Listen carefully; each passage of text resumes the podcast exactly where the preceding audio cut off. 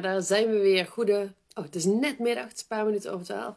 En welkom op deze wederom perfecte haardag, dag 2 op een rij. Hoewel dit wel allemaal de andere kant an zo, alle kanten opspringt. Ben wel meteen benieuwd, heb jij ook een fijne haardag? Zo ja, fijn voor jou en voor je haar. Um, maar ik wou het vandaag niet over haar gaan hebben. Ik ben geen kapster. Um, wil ik ook helemaal niet worden. Ik heb wel. Uh, ik heb wel ooit een. Uh, heel even dan. Ik heb wel ooit een kapperscursus gedaan. Um, mijn moeder knipte vroeger altijd mijn haar. En uh, mijn moeder verfde ook mijn haar. Sterker nog, ik had vroeger helemaal geen krullen. Dus permanente mijn moeder ook nog mijn haar. Dat is tegenwoordig niet helemaal meer nodig.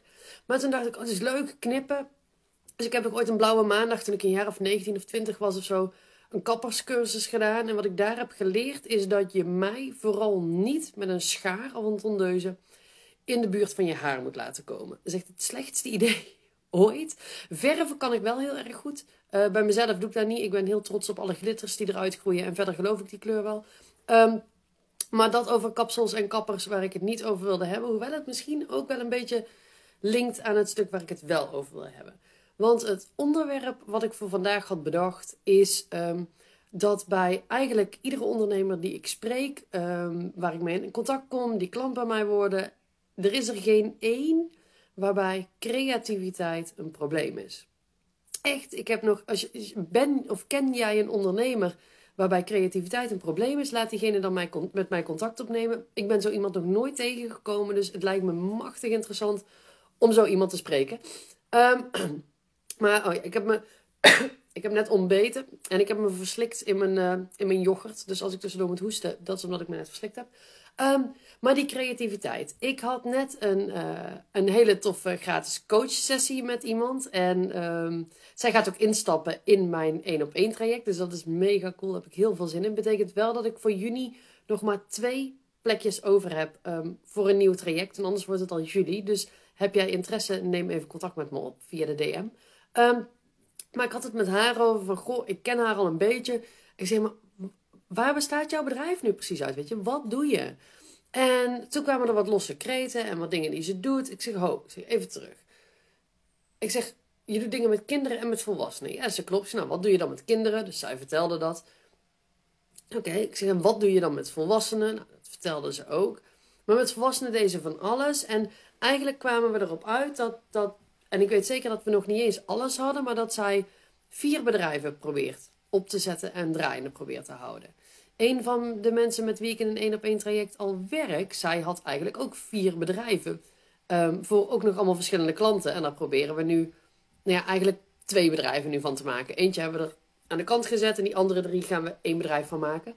En zo heb ik wel meer klanten die uh, eigenlijk allemaal verschillende bedrijfsideeën hebben. En ik snap het. Weet je, dat is juist je kracht als ondernemer is dat je creatief bent. Dat je steeds nieuwe dingen bedenkt. Dat je steeds nieuwe inzichten krijgt over hoe jij je klanten kunt helpen. Over wat je de markt in kunt brengen. Alleen de grootste uitdaging voor de meeste ondernemers is om niet met ieder idee aan de slag te gaan. Weet je, je kunt niet met alles wat jij bedenkt aan de gang. Of je moet een soort van uh, bedrijf in, in bedrijfsideeën beginnen en dat je dan je ideeën verkoopt, maar dan nog steeds kun je ze niet zelf op gaan zetten. De truc met ondernemen is vooral dat jij heel erg goed weet wanneer je wel of niet ergens op mee moet gaan. Hoe tof het idee ook is, hoe cool het misschien is, hoe waardevol, hoe de markt erop zit te worden. Je kunt niet meerdere bedrijven tegelijkertijd uit de grond stampen. Um, zelfs niet als je het op een subtielere manier doet dan stampen. En nou ja, er is best wel wat te doen over multi-passionates. Ik vind het op het moment hoor ik en lees ik er niet zoveel over, maar een tijdje geleden ging het enorm over multi-passionates. En ik ben de laatste die zegt dat je niet met daarmee aan de gang zou mogen. Maar ik geloof wel dat je kunt pas een volgend bedrijf gaan starten als er al iets staat voor het ene. Weet je, je kunt maar één bedrijf tegelijk bouwen en daar je energie in stoppen en mee aan de gang gaan. Uh, zodat je daar een naam in opbouwt. Dat het bedrijf zichzelf een soort van bedruipt. Dus dat de mensen toch wel weten wie jij bent, wat je doet, waarom ze bij jou zouden moeten zijn. En als dat loopt, als dat zichzelf grotendeels doet, dan kun je prima een tweede bedrijf op gaan zetten. En daar ook weer full focus mee aan de gang. En misschien als dat staat en dat eerste loopt ook nog steeds, misschien wil je dan wel een derde of je verkoopt iets, weet ik veel. Maar het is gewoon bijna niet te doen om meerdere bedrijven vanaf nul tegelijkertijd op te gaan bouwen. En uh, je, ik heb zelf natuurlijk ook eigenlijk twee bedrijven. Ik heb mijn, mijn business coaching en ik heb mijn hypnotherapie. En ondanks dat het allebei voor dezelfde doelgroep is, spirituele en holistische ondernemers die meer succesvol willen worden, vind ik het soms al lastig om twee bedrijven um, te promoten, om het daarover te hebben, om een marketing te doen, om, om in mijn nieuwsbrief, mijn social media, oh nee, mijn nieuwsbrief zeggen we niet meer, om in mijn Voldemort, zoals ik hem laatst heb genoemd, um, samen met Claudia, maar om in mijn nieuwsbrief, op, op mijn website, in mijn posts, om daar allebei die bedrijven aan te halen.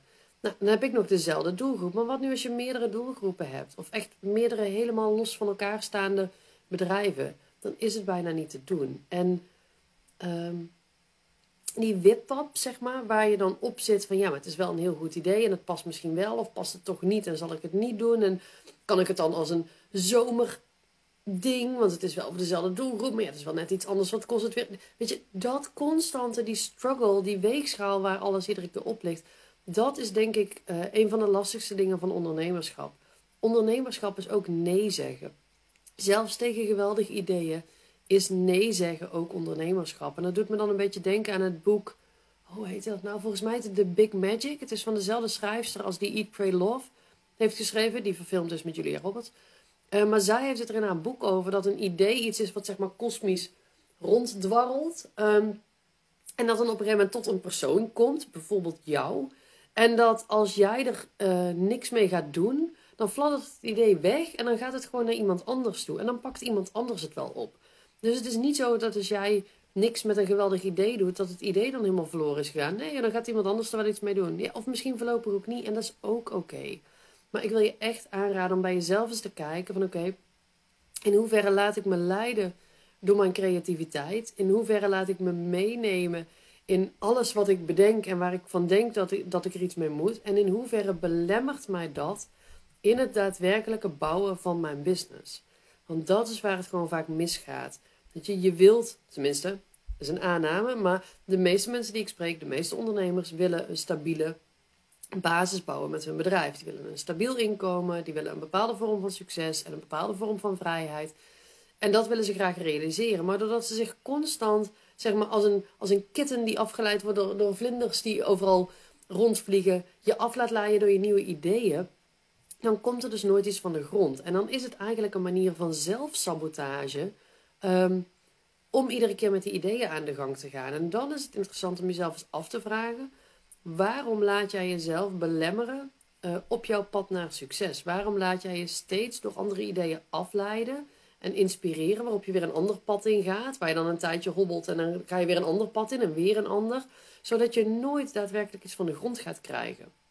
En ik had toevallig gisteren een hypnotherapie sessie met iemand. En bij haar kwamen we er eigenlijk ook achter dat zij dingen aan het doen is om zichzelf van het pad van succes af te houden. Waarin ze zichzelf aan het saboteren is om dat succes echt te realiseren. En dat is zo enorm zonde. Want doordat je op die manier ermee omgaat, ga je nooit dat succes behalen wat je eigenlijk wel wilt. Maar iets in je onbewuste zorgt er dus voor dat jij het niet haalt. En jij fladdert gewoon maar achter die vlinders aan met al die andere ideeën. Dus daar ben ik benieuwd naar. Of nee, dat wil ik je eigenlijk vandaag meegeven. Ga eens kijken hoe jij met je eigen creatieve ideeën omgaat. En of het iets is wat, wat je makkelijk aan de kant kunt zetten. Dat je denkt van ja, goed idee, nu even niet. Of dat je juist heel erg geneigd bent om met alle ideeën mee te gaan. En dat je eigenlijk een soort van FOMO krijgt op het moment dat je je idee op de plank laat liggen. Of gewoon in de prullenbak legt. Of weer laat verdwijnen voor iemand anders. Dat je dan denkt, ja, maar het komt toch niet zomaar tot me. Ik moet hier toch iets mee. Wat natuurlijk helemaal nergens op slaat nou ja, natuurlijk, um, wat voor mij nergens op slaat. Weet je, het is niet zo dat jij met ieder idee iets moet. Um, als ik nu bedenk dat ik wel drie bakken Ben Jerry's wil eten, dan, dan moet ik daar ook niet per se iets mee. Um, dus dat. Dus ga eens voor jezelf kijken. Hoe ga jij om met je creativiteit? Heb je er last van? Of steunt het jou? En waar laat jij je creativiteit eigenlijk gewoon jouw succes saboteren? En dat vind ik heel interessant als je als je met me wilt delen hoe dit voor jou werkt, hoe jij dit bij jezelf ervaart. En dan, uh, dan zie ik dat graag. En ga ik nu, uh, ja, het is kwart over twaalf. Ik heb vandaag nog, een, uh, nog twee toffe gesprekken, nog wat administratiedingen. En morgen en overmorgen zit ik alweer in opleiding. Ik doe bijna niks anders. Dus morgen even kijken of het lukt met een live. Want ik moet naar Alkmaar en dat is vanuit hier een uur en drie kwartier rijden. Um, dus ik mag op tijd op. Slaap morgenavond wel in een Heel leuk, eh, hele leuke B&B. Daar zal ik in ieder geval in mijn stories iets over delen. Maar voor nu wens ik je in ieder geval een ontzettend druilerige donderdag. Het is de laatste druilerige dag voorlopig als het goed is. Dus geniet er intens van. En dan uh, komt morgen hopelijk, hopelijk, hopelijk het zonnetje. Nou, leuk het. Uh, geniet van je dag en tot de volgende. Doei doei!